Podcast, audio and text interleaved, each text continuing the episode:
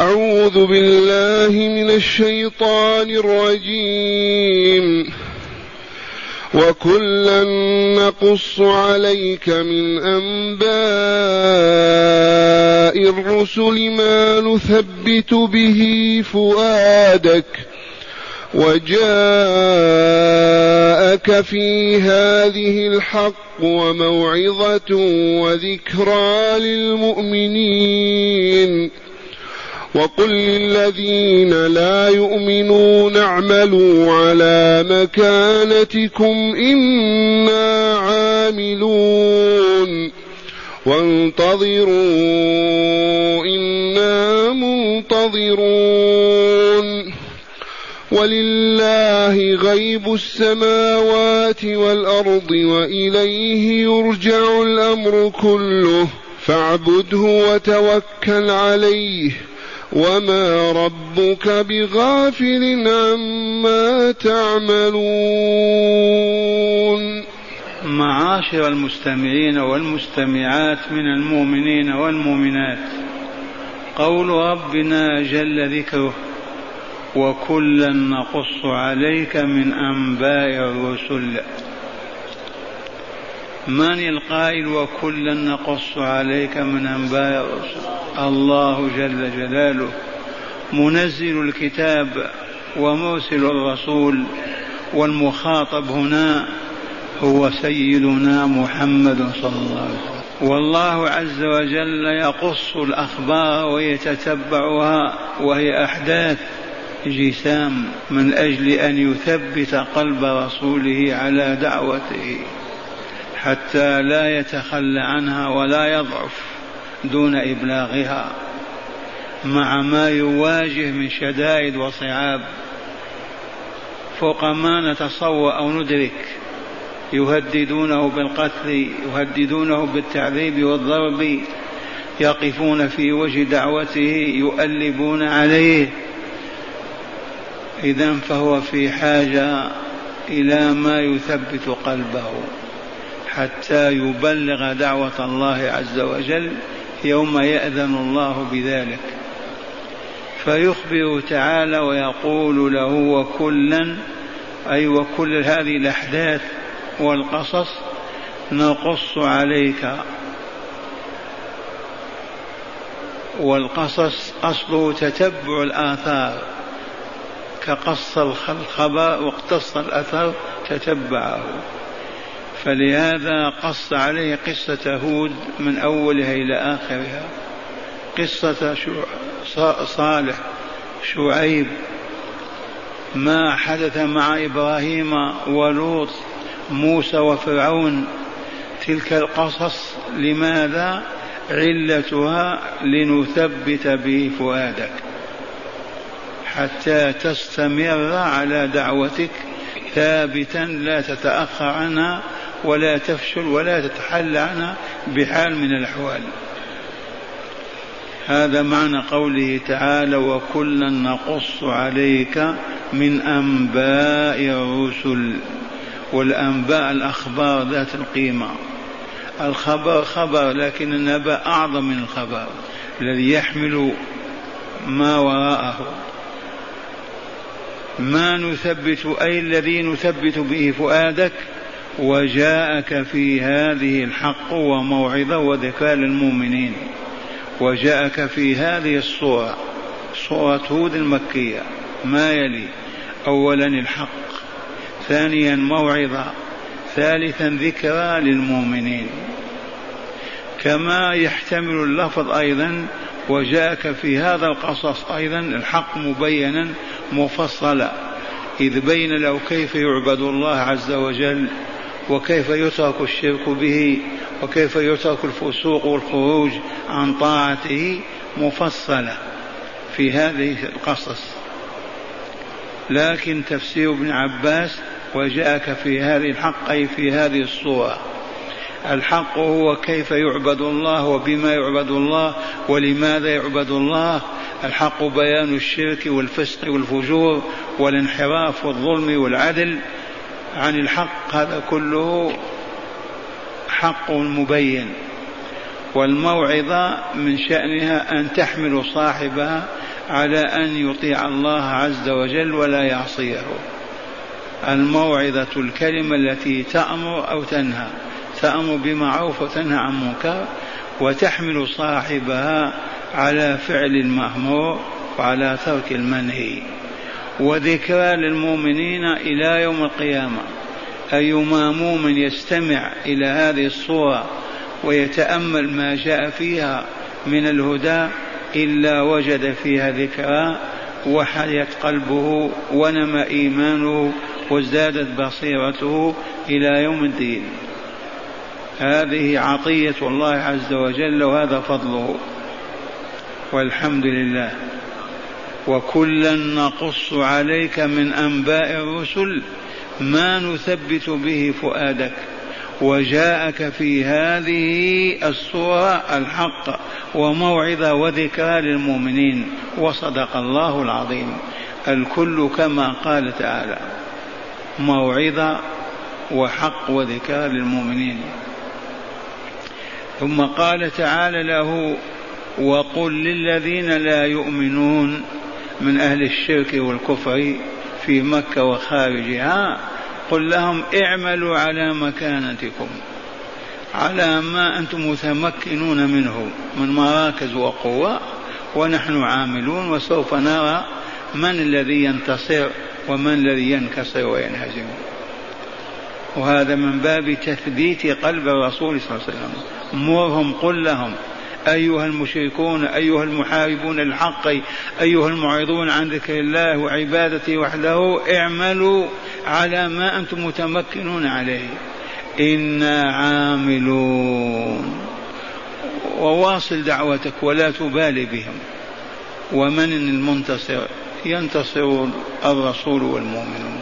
وقل للذين لا يؤمنون بك إله بك رسولا ولا بنا إلها حقا قل لهؤلاء الذين لا يؤمنون اعملوا على مكانتكم إنا عاملون وسوف تنزل بكم نقمة الله وعقوبته ويحل بكم عذابه في الدنيا والآخرة. هكذا يقول الله لرسوله وقل يا رسولنا والمبلغ عنا قل للذين لا يؤمنون بأنه لا إله إلا الله وأن محمد رسول الله وأن البعث الحق. قل لهم اعملوا على مركزكم وما أنتم عليه من قوة. إنا عاملون وسوف ينصر الله أولياءه ويذل أعداءه. وسوف تنزل بهم النقم والبلايا والرزايا. وينجو رسول الله والمؤمنون من ذلك. ثم قال له قل لهم أيضا. وانتظروا إنا منتظرون. لا تستعجلوا. اعملوا واصلوا عملكم الشر والباطل والفساد وعملنا الحق والخير وانتظروا متى تدق الساعة وينزل العذاب. نحن منتظرون. أنتم منتظرون العذاب ونحن منتظرون الرحمة. أنتم منتظرون الهزيمة والانكسار ونحن منتظرون النصر والفوز بإذن الله. لأن من كان مع الله نصره ومن كان ضد الله خذله. وانتظروا إنا منتظرون. هذه المواقف ما نعرف قيمتها إلا أيام الشدة والبلاء. لما يقول تعالى لرسوله قل لهم اعملوا على مكانتكم وانتظروا إنا منتظرون. كانت أيام أيام صعبة جدا. وبهذا يثبت الله قلب رسوله صلى الله عليه وسلم ويشجع على أن يبقى على دعوته لا يتخلى عنها بحال من الأحوال. ثم قال تعالى مخبرا عن واقع يجب أن يعلم ولله غيب السماوات والأرض. الغيب ما غاب عن الأسماع والأبصار والعقول والقلوب أيضا من غيوب السماوات والأرض. إذا فهو الذي يعرف متى تدق ساعة نصر أوليائه وهزيمة أعدائه. هو الذي يعلم متى يفتح الله أبواب النصر ومتى يغلق أبواب النصر على المشركين والكافرين. ففي هذا تسليم الأمر لله وعدم الاستعجال وترك الأمر لله عز وجل هو الذي يعلم غيب السماوات والأرض. أولا وإليه يرجع الأمر كله أيضا. ومعنى هذا التسليم لله الانقياد لله الطاعة لله لا وسواس لا هواجس لا خواطر. فوض الأمر لله اعبد الله توكل على الله حتى يفتح الله عليك وينصرك. ولله غيب السماوات والأرض. وهنا يجب أن نعلم أن كل من يدعي الغيب فهو خارج عن هذا النظام القرآني. القرآن يعلم قل إنما الغيب لله. لا يعلم الغيب إلا الله فلله غيب السماوات والأرض. فمن ادعى من الناس أنه يعلم ما يجيء به الغد أو ما يحدث بعد كذا فقد حارب الله عز وجل فيما اختص به ونازعه في علم الغيب ويا ويله. ولله خاصة دون غيره غيب السماوات والأرض.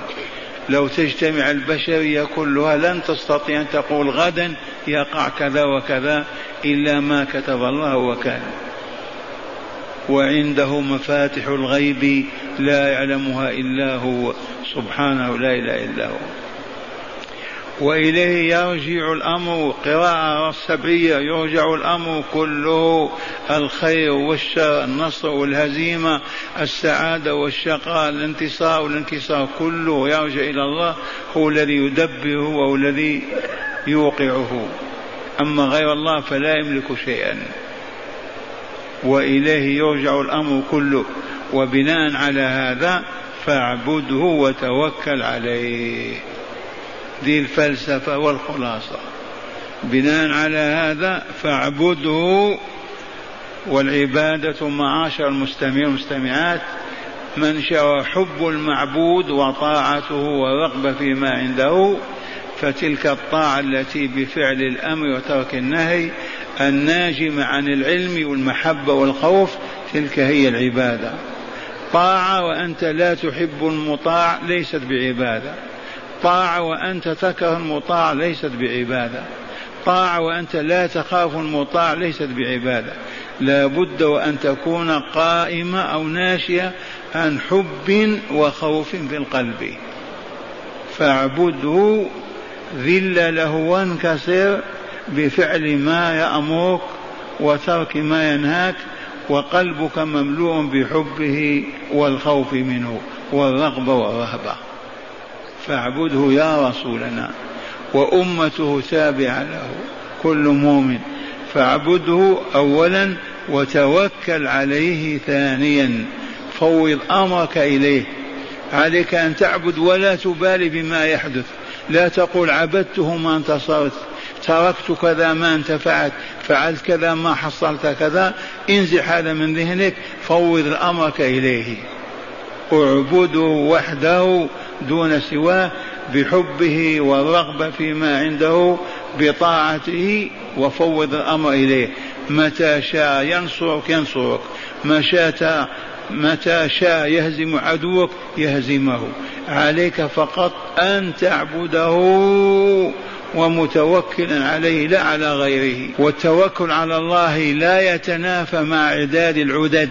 لا بد المتوكل أن يعد عدته أيضا لقتال أعدائه. السلاح والآلات وما إلى ذلك. لا بد من الأخذ بالأسباب التي وضعها الله. ما هو متوكل ويترك يديه هكذا. لا بد وأن يعمل حسب سنة الله عز وجل. أما التوكل بمعنى ترك العمل بالمرة فهذا باطل باطل باطل. لا بد وأن يعد العدة اللازمة وأن يعمل العمل الواجب لتحقيق هدفه في نصرته وانتصار دينه. فاعبده وتوكل عليه لا على غيره. وأخيرا وما ربك بغافل عما يعملون. قراءة سبعية. عما تعملون كذلك. أي أنت يا رسول الله وأمتك والبشرية كلها. أو ما ربك بغافل عما يعمل أعداؤك وخصومك من المشركين والظالمين وسيجزيهم بحسب عملهم. ما دام يعمل على علم بما يعملون وليس بغافل أبدا فسوف يجزيهم. وما ربك بغافل عما تعملون. من لطائف في هذه الآية؟ أن كعب الأحبار يقول هذه الآية بها ختمت التوراة. هذه الآية فاعبده وتوكل عليه وما ربك بغافل عما تعملون هي نهاية كتاب التوراة المنزل على موسى عليه السلام. ولله غيب السماوات والأرض وإليه يرجع الأمر كله. إذا فاعبده وتوكل عليه وما ربك بغافل عما تعملون. ومعنى هذا أنه يجزي العاملين الخير بالخير والشر بالشر. ذي سنة الله وهذا عدله ورحمته. إليكم شرح الآيات من الكتاب. معنى الآيات لما قص تعالى على رسوله في هذه الصورة الشريفة. أية صورة هذه؟ هود عليه السلام. مكية أو مدنية. مكية ما قصه من أنباء الرسل مع أممهم مبينا ما لاقت الرسل من أفراد أممهم من تكذيب وعناد ومجاحدة وكيف صبرت الرسل حتى جاءها النصر أخبر تعالى رسوله بقوله وكلا نقص عليك من أنباء الرسل ما نثبت به فؤادك. أي ونقص عليك كل ما تحتاج إليه في تدعيم موقفك وقوة عزيمتك من أنباء الرسل أي من أخبارها مع أممها. الشيء الذي تثبت الشيء الذي به يثب الشيء الذي يثبت به قلبك حتى تواصل دعوتك وتبلغ رسالتك. أي ونقص عليك كل ما تحتاج إليه في تدعيم موقفك وقوة عزيمتك من أنباء الرسل أي من أخبارها مع أممها. الشيء الذي نثبت به قلبك حتى تواصل دعوتك وتبلغ رسالتك. وقوله تعالى وجاءك في هذه أي الصورة. وجاءك في هذه أي هذه الصورة صورة هود الحق من الأخبار. كما جاءك في غيرها وموعظة لك تعظ بها غيرك وذكرى يتذكر بها المؤمنون فيثبتون على الحق ويصبرون على الطاعة والبلاء فلا يجزع ولا يمل. وقوله تعالى وقل للذين لا يؤمنون اعملوا على مكانتكم أنا عاملون وانتظروا أنا منتظرون. أي وقل يا رسولنا لمن للذين لا يؤمنون من قومك ممن هم مصرون على التكذيب والشرك والعصيان قل لهم اعملوا على حالكم وما أنتم متمكنون منه إنا عاملون على حالنا كذلك وننتظر ما يحدث وانتظروا أينا ينتصر في النهاية أو ينكسر وانتظروا أينا ينتصر أو ينكسر في النهاية وقوله ولله غيب السماوات والأرض فهو وحده يعلم متى يجيء النصر ومتى تحق الهزيمة؟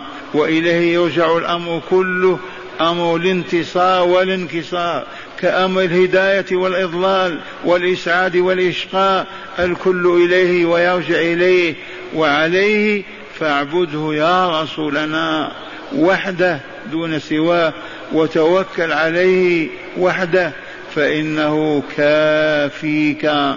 كل ما يهمك من الدنيا والآخرة. وما ربك بغافل عما تعملون أيها الناس. وسيجزي كلا بما عمل من خير أو غير. وهو على كل شيء قدير. معاشر المستمعين والمستمعات من هداية الآيات مالي تأملوا. أولا بيان فائدة القصص القرآني وهي أمور منها. اولا تثبيت قلب النبي صلى الله عليه وسلم.